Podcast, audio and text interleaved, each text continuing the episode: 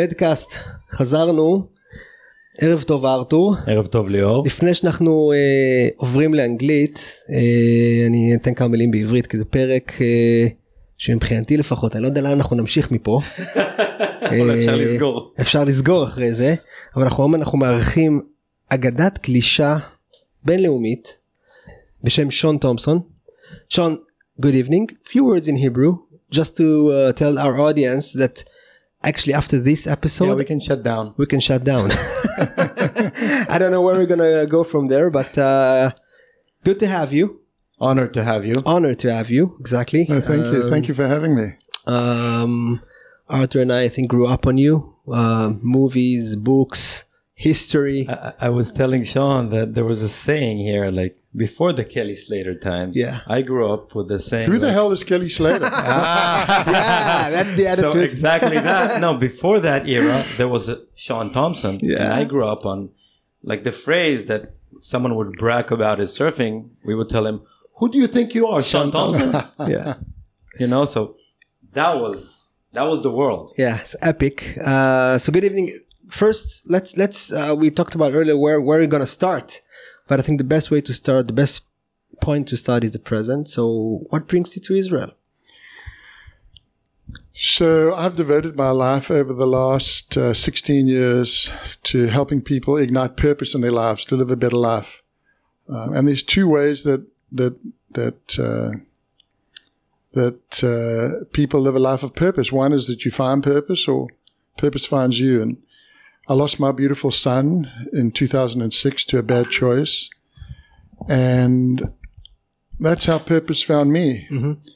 And uh, since that terrible time, for me, I changed my life.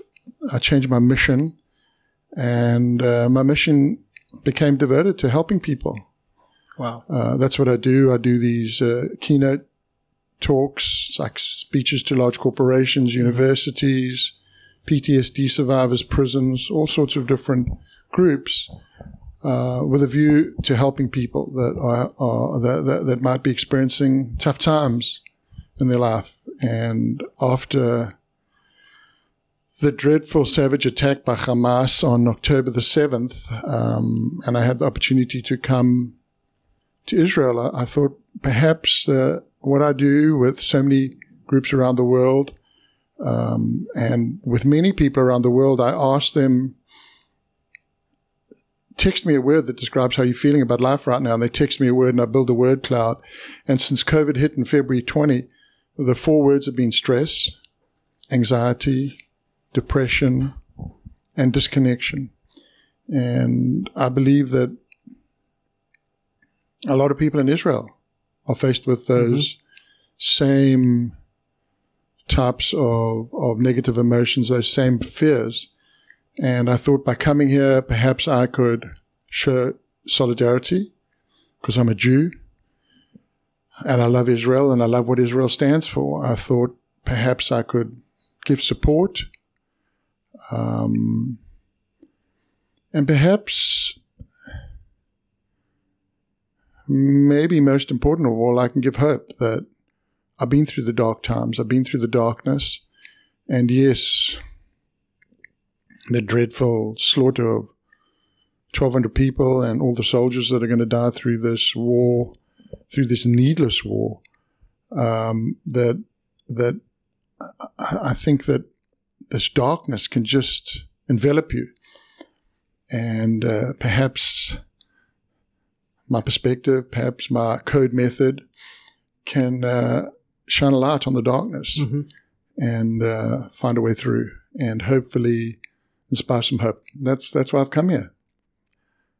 It's an amazing purpose. Uh, you mentioned that uh, it's purpose finding you, or you find a purpose in your life. But when in dark times usually we see it like in, in recent times uh, when, when you talk to families of people that were hurt by the october 7th attack uh, a lot of parents are saying we chose to live. We because you know it's, it's very easy to fall into darkness after you're hit by such a tragic events. And a lot of parents said we choose to live. We choose to bring our head, head ups and you know and, and, and move forward and, and live do you think it's a choice do you think Absolutely. you can teach people to to to It's- choose this It's a fundamental choice. You can go back all the way to the literature with Viktor Frankl, Man's Search for Meaning. It's a fundamental choice in life is your attitude, hope or despair. And hope is this desire to live. Despair is this acceptance of um, of death. I mean, I spoke at uh, recently. Uh, I did a, a talk with the Drug Enforcement Administration, the DEA. It's a very big institution in America, and the local sheriff's department to 200 parents that have lost children to fentanyl. So whether it's a loss in wartime, whether it's a loss in in, in life through through bad choices or through evil people, um, it's it's it's you know it's your fundamental choice. And you know it's it's interesting the fundamental choice between Jews. We want to live. mm-hmm. We want to create. It's We inherited. build. Uh, we're not born to die for jihad.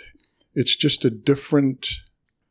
It's a different perception of life. It's a different Yeah. perception of of fundamental mission and purpose um, in life. And you know, there's a wonderful.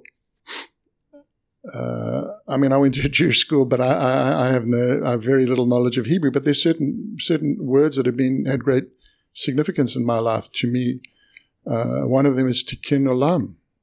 You know that, that that notion that as as Jews we have this mission and purpose to make the world better, to Yeah, repair to make a better place what's wrong, and and and I think this is this is part of our um, part of our our, our DNA.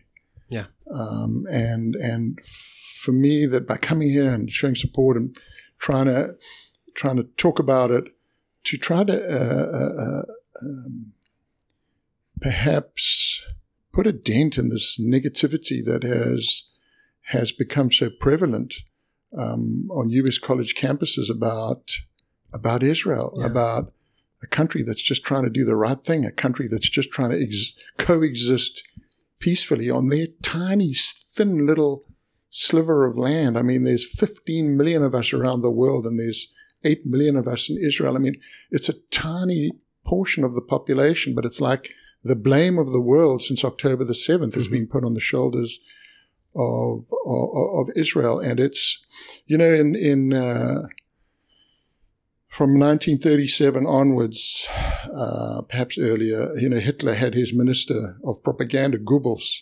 And I'll tell you what, that spirit lives still hmm to this day. And truth is the only way to fight it to combat this evil Yeah. and, and, and to combat this um, this malaise that's that has just impacted the mindset of so many so many uh, uh, people and and I'll tell you what that hope also is this antidote to despair and hope is this fire this light that shines. Um, you know, I have direct experience. Uh, so, um,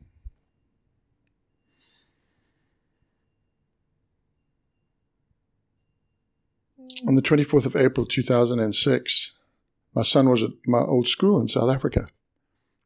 My wife and I, ta- my wife had gone down there to South Africa with them for one semester. I was born in South Africa and uh, I phoned phoned my wife up, and Matthew was my boy. Matthew, his name means gift from God in Hebrew. yeah beautiful Hebrew name.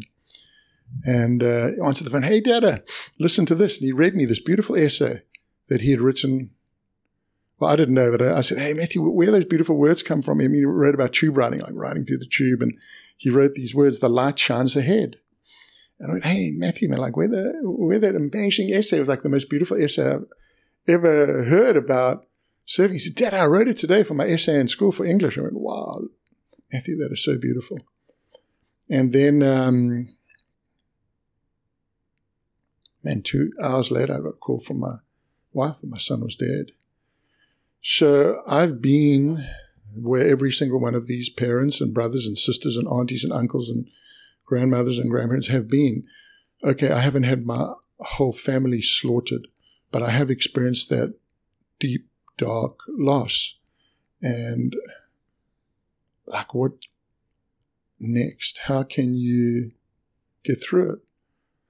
Um, and when I meet with people, I'll, I'll, talk from my own experience of what I have found that has worked to endure an unendurable loss. So now my son's written this, and it stuck with me. The light shines ahead. So it was a very terrible time for my wife and myself, and it was was even more terrible because I was in the United States. I had to get on a plane and Wow. somehow make the flight. Wow. I, my passport had expired. It was just a, a nightmare trip. But eventually I got there and I knew that I had to get back as quick as I could because I thought my wife wasn't going to make it. But she lost, she lost the will to live. And uh, they had to admit her to hospital. She'd been in hospital for a while and there was just, we were both spiraling downwards, but especially my wife. So one day, I don't know, it must have been a couple of weeks afterwards, a friend comes to visit. So we're in the hospital room. My wife's in bed. I'm on the bed with her, sitting on the bed with her. Her mom's there. And a friend walks in and he says, I have a message from Matthew. Wow. And I look up at him. One bolt of lightning, one bolt of lightning hits that hospital and shakes it to its foundation out of an absolutely clear blue sky. Not even one cloud. Not even one cloud in that sky. Let me tell you, I thought God had deserted me. I thought my God that I'd prayed to my whole life had deserted me. That one bolt, and with the words that Matthew had said, the light shines ahead, I went, wow maybe there's something there. And that, for me, that one bolt of lightning kind of activated a different consciousness in me. Switched. Yeah, it was like maybe God hadn't deserted me. Mm-hmm. So then I started to go to my old shul in Durban, where I had my bar mitzvah. It's called Temple David. And I'd sit there. Sometimes I'd be the only person in the whole shul. And uh, right above the ark, um, there's that lamp Ner Tamid, Mm-hmm. that lamp of everlasting light. And I'd look at that and I think about what everything's connecting to Pardon? the same. Everything's connected to the same But theme. listen to how surfing can connect into this. So I'd sit there and think about what had happened, think about my beautiful son, and kind of feel him with me with the light and the warmth. But you know, for every surfer, the, the essence of our soul is being stoked. That fire mm-hmm. had absolutely gone. I had nothing left. I had, I had no interest in going surfing. And one of my friends at school, my old school was called Carmel College. It was a Jewish school. But here's here's a non-Jewish guy. One of the there's like half a dozen non-Jewish students in the school. Hey Shaun, I want to take you surfing. Hey Shaun, I want to take you surfing. I went, nah, I have no desire. Shaun, I want to take you surfing. And eventually I went, okay, after a few weeks. He said, I'm going to take you to a break you've never surfed before. So up, wake up early and, and he drive up the coast together and, he, and it takes me to this break. I've never surfed it before. We walk down these steps and as we walk down the steps, we're looking out on the ocean and the sun is just rising up through the Indian Ocean, It faces the east coast. And the sun just boils up through that ocean. And wow, perfect little waves, like three to four foot perfect. Just the two of us, me and my mate. and we paddle out. And as I paddle out, I'm crying. And then the wave comes and breaks on me and just washes my tears away. And I paddle further, and the next wave comes, and I dive through it, and just washes my tears away. And I started to feel, wow, it's like the ocean Cleanse you. Is helping me. And I paddled out. I could feel Matthew was with me, and I swung around, and I caught my first wave, and could feel Matthew was right there with me. Started to feel better. Paddled back out, got another wave. Started to feel a bit more better. Paddled back out. Started to feel like my universe was finally getting back on its axis. And I paddled up to my mate. And I said, What's the name of this wave? And you know, every surfing break has a different name. Sunrise. Wow. How about that? New day, new life.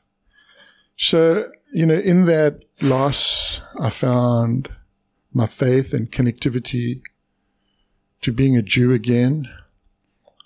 Um, and I'm hoping that, that, that I might share that story when I speak to people because even in that darkness, God finds a way hmm to get to you, Yeah. whatever that may be, through a lightning bolt, through a through a surf session, at a break. It will come to you, and when you feel it, you believe it, because it is real. Wow. Okay. Shaun, um, I want to go back to talked about when you first heard the news of October 7th and you felt it struck a new sense of purpose in you. You said you want to fight our fight. First, you started, of course, I started following you on Instagram and, and I followed everything you've done outside.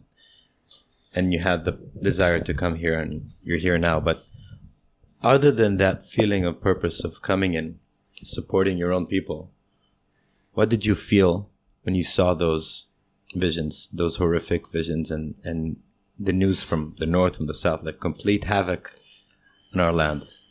Yeah, I was absolutely devastated. Y- you know, I think I'm a humanistic guy, and I think when I speak to people, I tell people I'm a Jew, tell people I'm Jewish, tell people I've had my bar mitzvah, no matter who the who the audience is, and and and, and you know whether I'm in a prison or whether I'm in a university, whether I'm in a massive corporation, GM, Google, Cisco, whatever, Gap. Um, so I, I really try to bring people together and I try to help people look inside themselves to find the best version of themselves. I have this little method, it's called writing your code. Everyone writes 12 lines, every line beginning with I will. It's like you write your purpose, you write your code, you write who you want to be, who you will be. You make a commitment. You make 12 promises to yourself. It almost has a, has a religious element to it, but it's spiritual rather than, than religious. And for me, I've seen, because I've done this with over a million people, I've seen the goodness that there is in people. But when I saw the savagery of that attack and the glee in which these terrorists paraded their victims through the streets, disrespected their victims, disrespected humanity. I was so shattered. And then to see the posters of the hostages ripped off lampposts and this wave of of anti-Semitism and ignorance. it, it was just, it was very, um, it was incredibly, incredibly disturbing. And I'm, I'm sure this is multiplied multiplied a hundredfold living here in Israel. But, but as an, as an outsider, I just went, wow, this is, this is just so terrible. And then when I, when I got the call from Marin and Arthur about, about coming here, I went, wow, yeah, I, I would love to come here, you know, show some support, show some solidarity, and perhaps, perhaps I can help one person. Even if I can help one mom or one dad or one son or one daughter, that's experienced something dreadful to help them understand that the sun will rise again, that the light will shine ahead, then my mission, my mission will have been, um, will have been fulfilled.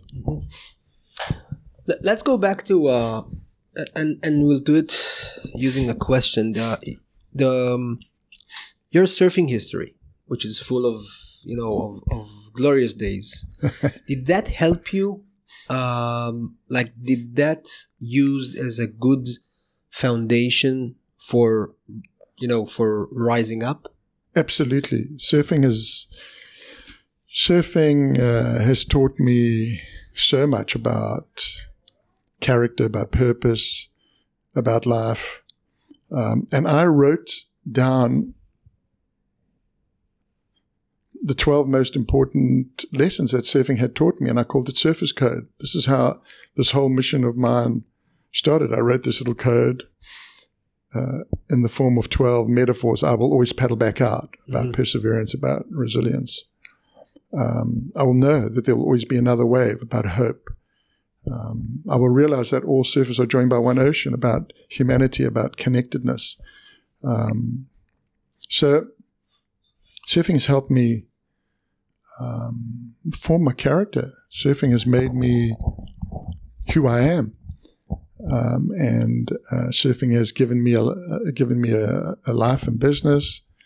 It's uh, I mean my whole life has essentially revolved around surfing since I uh, I would say since I was f- 14 years old and started to do have success competitively. And uh, well, you came off, started off the beaches of Durban.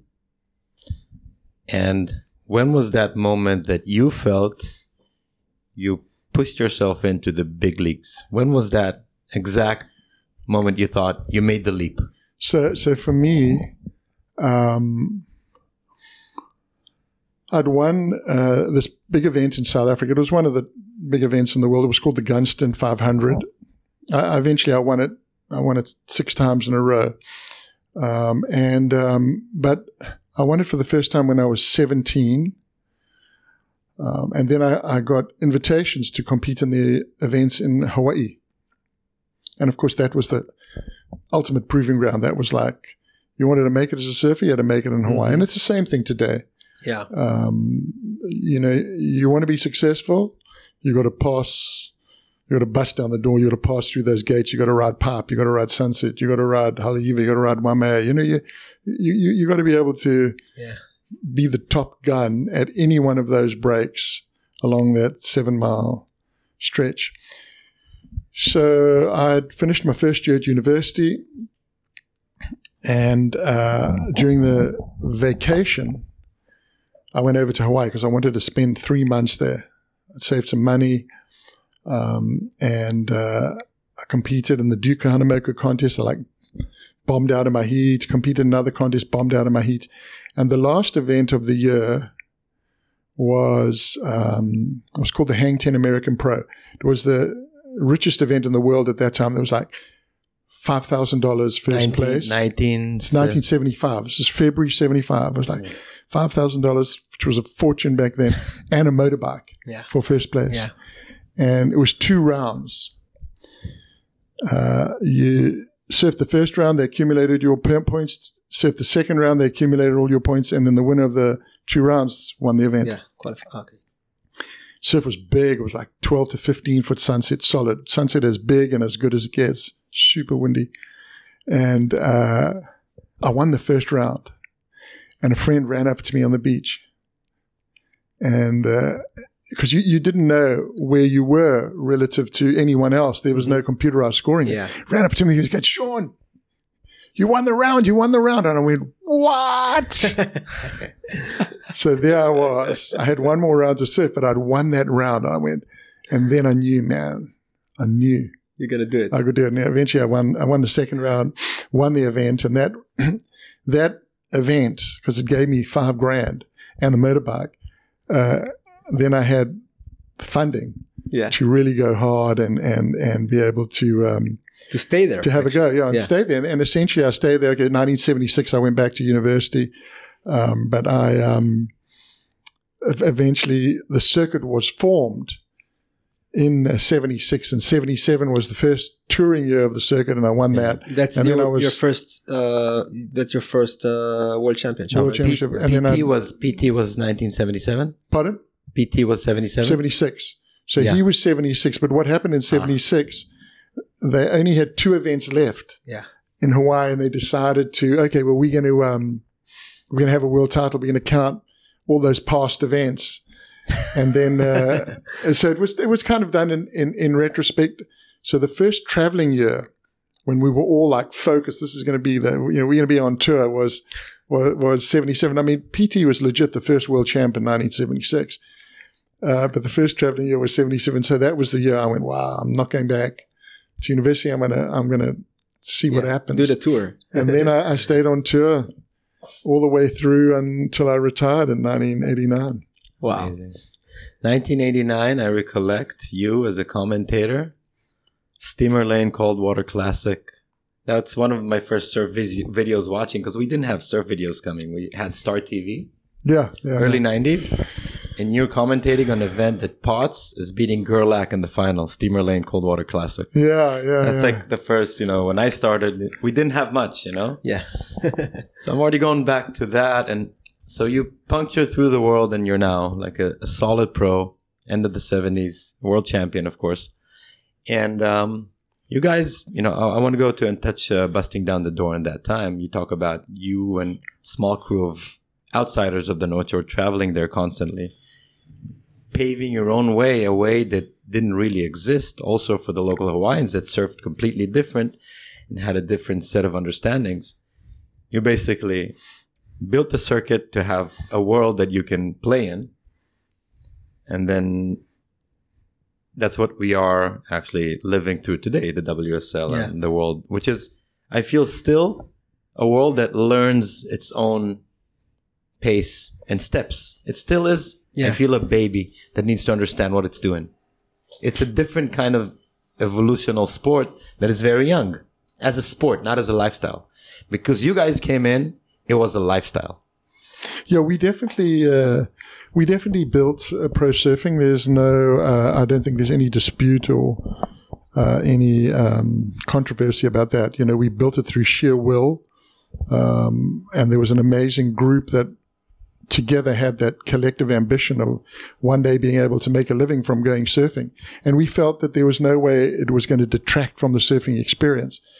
Ian Cairns, Peter Townend, Rabbit Bartholomew, uh, Mark Richards. Um, and then you had the organizers, you know, you had Fred Hemmings, Randy Rarick, you had Peter Burness in South Africa. And then there was the Hawaiian guys, uh, um, uh, Reno Abellira was just amazing. Barry Kanaiaupuni, all these, Rory Russell, uh, all these, uh, Larry Bertlemann, all these early guys. So it was, was definitely a, a push. Um, busting down the door era was, was pretty cool. 1975, 1976, and w- which was sort of the first explosion, uh, the, and the first impact that us young guys made on the scene when we kind of won all the events, had a super new radical style of surfing, which was kind of different, perhaps different to the traditional Hawaiian approach. And yes, it ruffled some feathers and there was some drama and people got punched out and beaten up. But ultimately, peace was declared. Um, but it was a, it was the- a time the- of The conflicts, innovation. the conflicts over there rose because they thought you guys were bragging in your capabilities. Yeah, I think there was a, a number of reasons. One was maybe there was a perception that Ian and, and Rabbit were maybe bragging a little bit, but I mean that's that's no real excuse to get a couple of punches in the head. I think there was a perception, you know, Hawaiians had been treated really unfairly by um, by colonialism, by the um, by the Americans, and perhaps surfing might have been considered the last sort of refuge. Yeah, Surfing was like their sport, and now someone is taking it away. now these colonists from the southern hemisphere were going to try to Well, take you're a it away Jew, you're a colonizer. yeah No, and now, now you know now, now that's all you hear colonizer colonizer it's, Yeah. it's like amazing how people can uh, yeah. Can Create create truths, like Yeah. false truths. Yeah. Basically. yeah but it but it was a very exciting time. You know, the the development of, of pro surfing, and then the development of the surfing industry.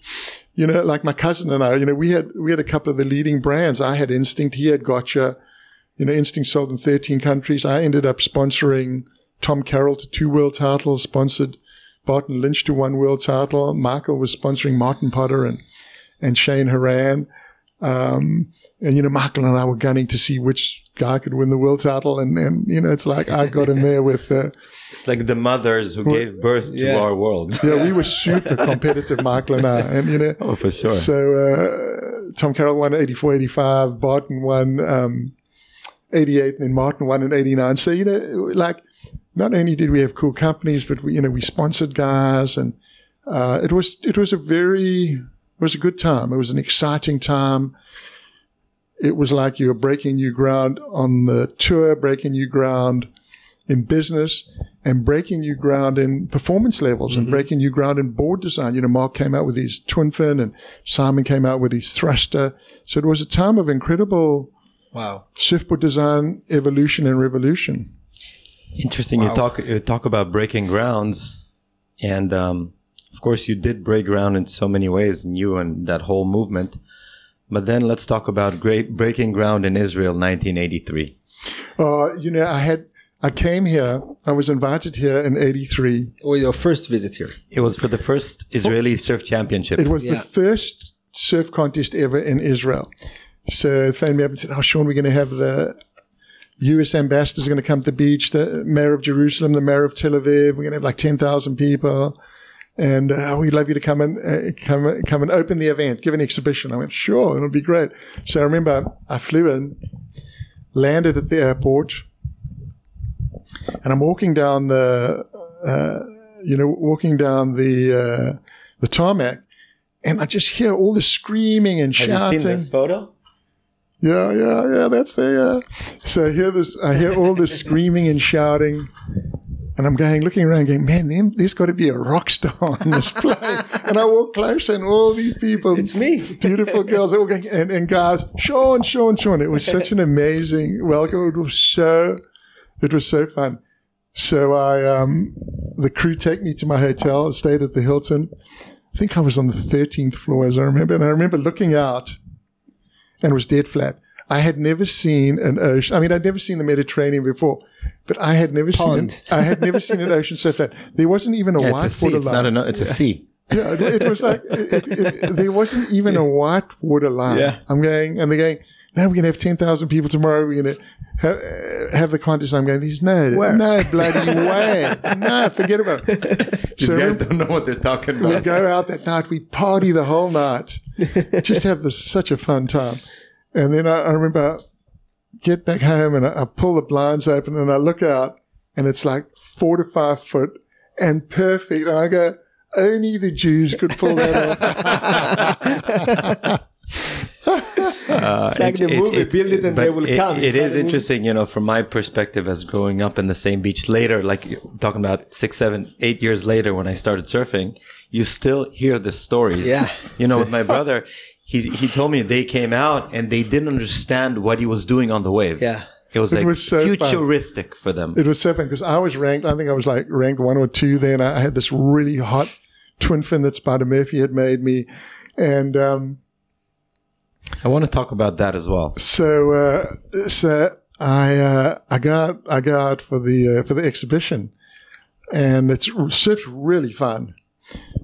And these thousands and thousands of people. So I think, man, I, got- I got to get, you know, getting some really good waves. And then I thought, no, I got to, I got to get a tube ride, you know, because every now and then there's like a little Yeah. wedgie section. And I'm, I'm looking, and eventually I find when I get this little tube ride in the crowd, the crowd goes nuts. It was so fun because I'm the only guy in the water. Yeah. So then I thought, no, I've got to end it. I've got to end it off with something really cool. So the big point, the most difficult maneuver back then was a backside 360. You know, 360s front side were pretty, backside 360 was pretty tricky. And, uh, I'm going, now I got to pull the backside 360. So now there's thousands of people and I'm pumping down the line thinking, man, I got to, I got to bust this clean because if I fall on my face, every Israeli's going to remember that Yeah. wipe out. Exactly. And I remember flying down the line, I busted and I just busted clean and I, I hit it just perfectly, and the crowd went nuts. It was so fun. And you know, to this day, whenever I meet an Israeli surfer around the world, whether it's in Australia, uh, the United States, or wherever, and they're like 40 plus, they'll say, Shaun, I remember. I remember I was on the beach. or, I was there. my son was there, or, or my, my, my father was there on the beach, and you know, it, it, it was it was it was just wonderful to to always Yeah. always be a part of Israeli surf history. It's beautiful, you know. It's a it's a, it's something that out of all the different trips I've had around the world, you, you know, that was one of the um, one of the most sort of significant. It was it was really beautiful to to show Israel what cutting edge modern surfing is all about, and especially executed by a Jew. Mm-hmm. It's Definitely. very interesting what he's saying, and I I actually want to put the fact on the side. His name, his name is intertwined with our history, Mhm. and not only because he's Jewish, because of that specific show, he came at his absolute Yeah. prime to Israel, which is a pretty primitive place back then. In, Yeah. in the Yeah. early '80s, we're still going through wars. We're not that affected by America. You know, we don't know much. Early 80s were like. TV is almost. I think TV might, might be still black and white. I was four years old, so I don't remember. Yeah. So it, it is really, really backwards. So you came at a prime, your own prime, and you lit, you sparked something then that shines You know, today. we we we hosted a few of the uh, let's say top Israeli surfers from back then. I mean, uh, the, the guys who back then were like the top, uh, did the Israeli tour and won all the uh, Israeli championships. Each one of them remembers that day. Oh wow, that's cool. and- and- yeah, and- in the interviews here. Yeah, and they and they mentioned it as one of their and one of their one of the days that is like, like shaped their surfing throughout because you you actually showed them what is capable Yeah. of. on it's a, the first time everyone everyone here saw yeah, a surfer like moving the board in a proper moving the board in a proper technique. and also you know? then you know it was different. You, you don't have social media where you see a wave. no. you see a wave that a guy scored a pipeline. Five minutes later, you'll be seeing that wave in Tel Aviv. So you know the world was a much bigger place, Mm-hmm. and I think the influences were a lot more. They took a long time to ripple through. only magazines. Yeah, and, and you had magazines and, and surf movies, and it was like even it was pre-video or maybe video was just starting to happen. So primarily it was, um, you, you know, it was the magazine. So it's great to it's great to to be part of the of the fabric of uh, Israeli surf culture. How do you see Israel changing through the years? I mean, your first visit was like eighty three. Now it's like Forty years later, but he was here years about later. twenty years ago. yeah. And how do you see Israel developing through your through your eyes through the years Well, um, in surfing and in general? I mean, I think the obviously the level is, is is a lot higher. I mean, I was just watching some of the kids today at, at Hilton Beach. You know, the, the, just the generalized level is um, is a lot higher. I think there's a lot more connectivity to surfing lifestyle. You know, I think there's a lot more surf shops. There's a lot more surfboard availability. There's some young Israeli kids that are cracking cracking on the on the pro tour, um, guys and girls, which is which is wonderful to see. Um, I think that um, this period now after uh, October the seventh is um,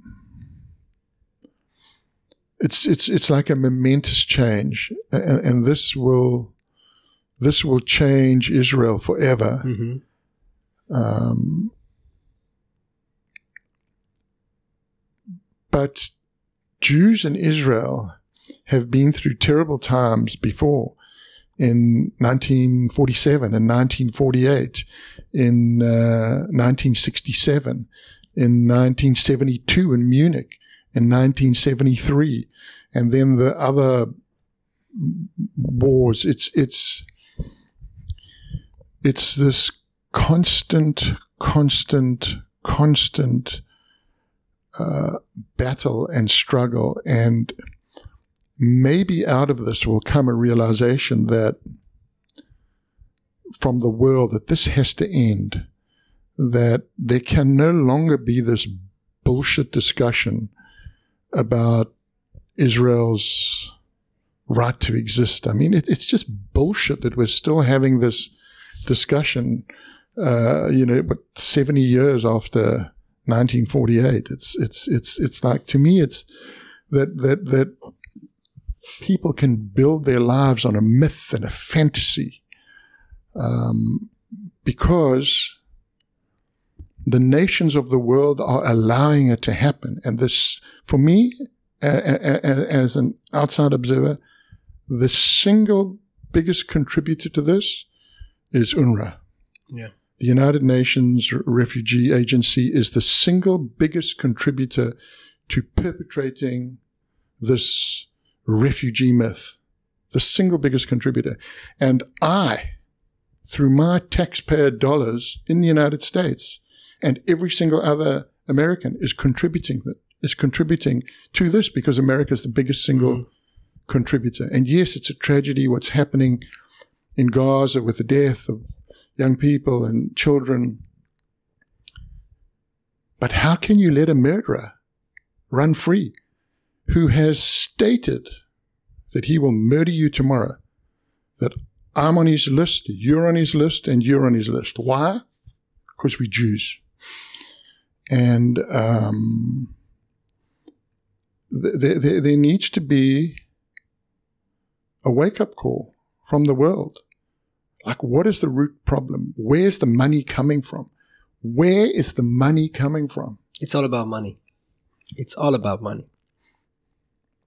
I think the main problem basically is that first of all, Israel, our government, through in the past twenty years, has a lot of responsibility to that, because we, We supported didn't- We we supported them at first, but on the media, on the uh, let's say on the on on publishing our side of the story, we didn't do nothing in the past twenty years. So we we basically allowed the narrative, which is a wrong, false narrative of the Palestinians, to grow up, and and now we're dealing with that because you know young kids, not not so young, but youth or or, or even you know uh, uh, uh, people aged 25 in the United States don't know the Israeli story, don't know the Jewish Absolutely story. not. Let me tell you, Israel's got the world's worst PR. Yeah, It is terrible, terrible, Exactly. terrible PR. It's it's It's basically the- no PR the because we story didn't of- really. of, Israel has has not been communicated. I mean, how can a person be a refugee for seventy five years? How is it possible that? a How is it possible? How is it possible? Yeah. an agency should be there to uplift. An agency there sh- should be there to educate. An agency And this is should be there to help yeah, people exactly. uh, uh, create a positive life, not to to breed murderers and destroyers and haters. That's what they did in the UNRWA schools.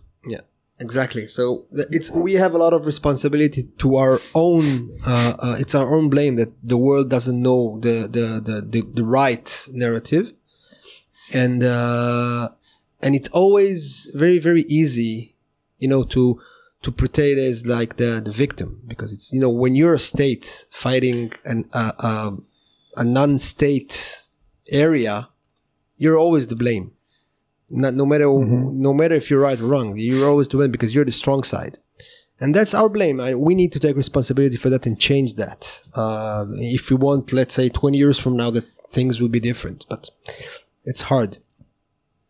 I have to say that after we're four years, we're four months into this situation now, and I I have to say that eventually the situation, the way it unfolded with the brutal massacre, raping, ravaging, kidnapping people, it happened the way it happened.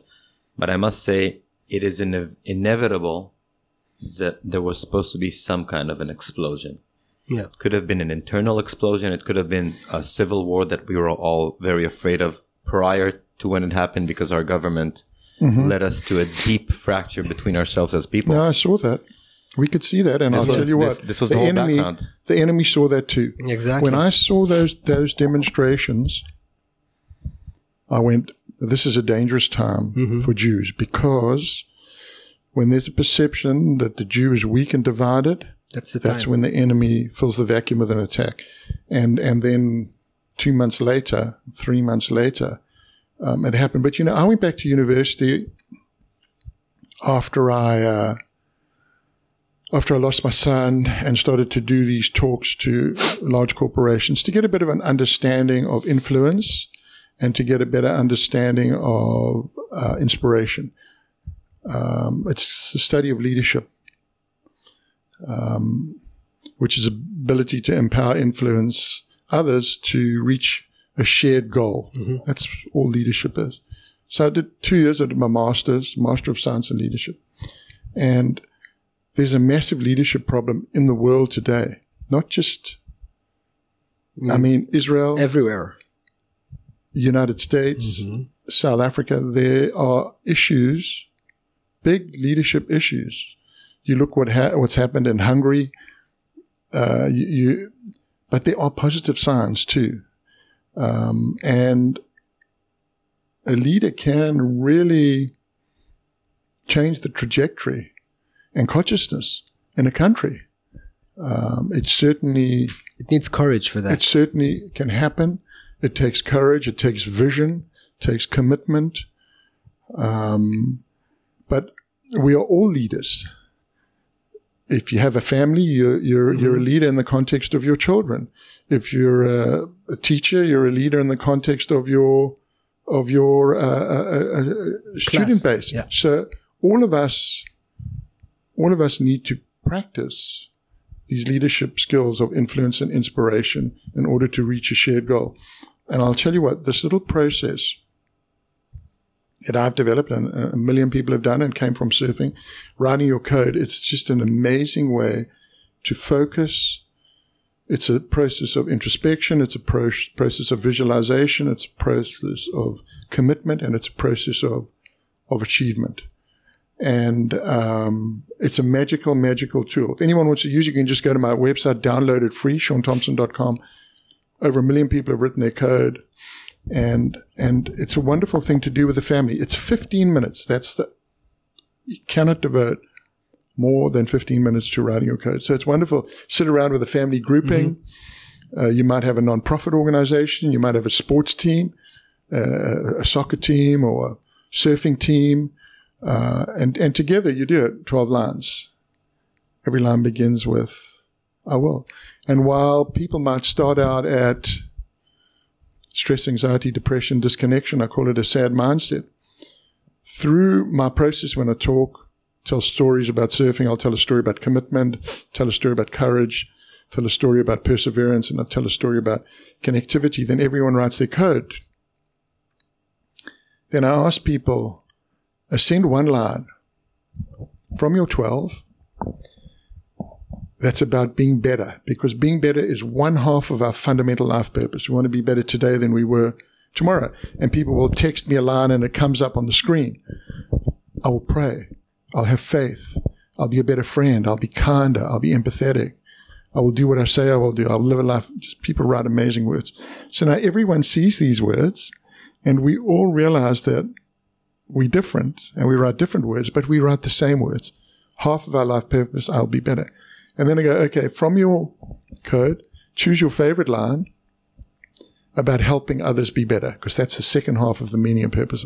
And it'll come through. I'll be a teacher. I'll be a leader. I'll be a mentor. I'll volunteer. I will help others through the darkness. I will lift other people up when they fall. It, it's, it's just, it's beautiful to see these amazing lines. And then I end my presentation. I say to people, and I'll be doing this a few times in Israel. Okay, text me one word that you're going to take home with me. So it started at stress, anxiety, depression, disconnection. And I'm sure in Israel there's going to be similar words to that. Then people write their codes. I'll be better. I'll help others be better. What word are you going to take home with you? What do you think that word is? Hope. That's it. Because people are going through a process. Change your mindset Yeah. through surfing. Yeah. Amazing. Just by telling stories. Mm-hmm. They see About the light. surfing. Yeah. They see That's the light at the end of the tunnel. Yeah. Yeah, you The know, light shines ahead. That's a great sentence, I must say. But I have to say, especially about surfing, you could find that in every kind of aspect in other sports. but there's something about surfing that makes in every minute when you're in the water to deal with yourself. Mm-hmm. You're dealing with yourself, with your own little devils inside you at every moment of your session. And you have to beat it every time. Yeah. Yeah. You have to be the best you are. And I feel, you know, today after surfing for enough years, I don't think there's a better teacher than even for a guy that wants to have something, like I say, like a sense of purpose. Go start surfing, even if you're mid 30s, 40s, whatever. It'll it'll teach you something about yourself that you might have not learned until today. No, very much so. Exactly. Yeah. I want to talk to you about a board. This is one of the most relevant boards there Oh. are today. Spider makes me. I I still have my the twin fin that he made me in '82. You still have it. Yeah, and I won so many contests on it um, because Martin Potter kicked my ass in 1981, and I just went mad, and I went, ah, I gotta, I gotta, I gotta beat him, and and and it, I hadn't ridden Spider's boards for a number of years. I went back to Spider because now Potts has moved on to Minami. And hey, Sparta, I've got to get a. I, I got, I, we we got to work together on a on a new twin fin, and he made me this amazing twin fin, and I just. I just won so many events on that board. I must have won six events on that one board, but um, But this is the story, but- right? but very Potts similar. carried it with him because he moved to town and ca- carried the idea. So this is basically it. First year, Spider, uh, uh, MR twin influence Spider. Spider made the one for Potts and he made the one for me. And then Potts and I were going up against one another uh, with the twin fins. And then Potts and I were the only guys riding twin fins back then because Simon had invented the thruster in, in like uh, April 81 And sing- single fins died. single fins died It died. completely. Yeah, yeah. No, well, single fins died in nineteen. Uh, MR launched the thr- uh, launched the twin seventy seven at the end of the year, December seventy seven. Uh, by three months into seventy eight, the single fin was pretty much dead, except for Cheyne Horan had like a keel fin and the Lazer Zap, and then out of that came the thr- out of that came the thruster in eighty one. So. Um, when the thruster came on the scene, I had a thruster. I love my thruster, but still the twin fin was faster and smaller way. So I used to ride my twin up to about four feet. I'd ride my thruster four to eight, and then anything over eight feet, I'd ride a single right through to like eighty-four. You know, uh, Wow. it's interesting why I'm bringing that board. Eric Arakawa was here about 20 years ago. He introduced the shaping machine. And he said the biggest uh, fault and the thing we're not proud in our world as the shapers that nothing really changed in the surf industry. We're still using the same foam, same material, Yeah. same everything.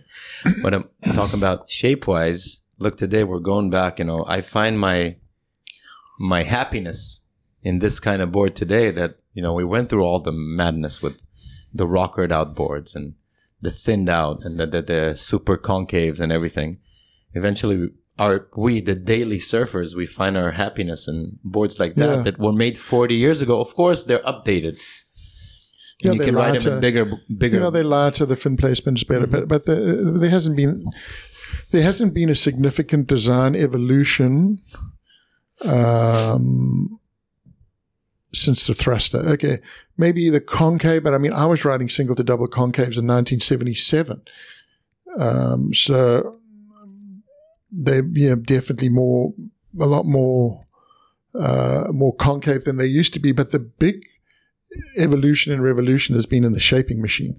So you can maintain consistency. But for me, I'm surprised that there hasn't been this sort of design explosion of creativity using the shaping machine as a tool or using AI to, to help, uh, create some significant new ideas and, and, and new, new types of boards, new, you know, boards that just look different. Well these asymmetrical shapes are now kind of going back into Yeah. a trend a lot of surfers started riding it But, but it all comes down to the great surfer that has a, an appreciable performance boost. That you know the man in the street can see if he sees like uh, a, a John John Florence paddle out and they know how he surfs and suddenly he's surfing twenty five percent better and he's riding a different design surfboard. That, that's where the that's where the evolution and revolution happens from the from the pro You know, from the pro gives it the authority, the pro gives it the credibility. I, I have to say, I think it's uh, one of the beauties of this world that nothing really changed. Yeah, you it changes, It's but one of the magic. You know, Yeah, it's part of the magic. Yeah. But listen, guys, I'm I'm stoked to to chat to you. I'm I'm very very very honored to be here uh, in Israel in the ancestral homeland, um, and I'm hoping that while I'm here, you know, I can I can share some solidarity, support, and hope and purpose. well, a lot lot of on. light shining ahead of us. Yeah, a lot. There's, there's a lot going on, and I'm, I'm hoping that that you know, in my own way and, and through surfing, that I can help. Definitely, Shaun. Thank for you sure very you much. are. Thank you Thank so you. much for your presence us. and coming here. No, Thank you very very, much. Very stoked, uh, very stoked uh, to be here. Yeah. I'm honored. Toda. Good times. All right. MedCast. Bye bye.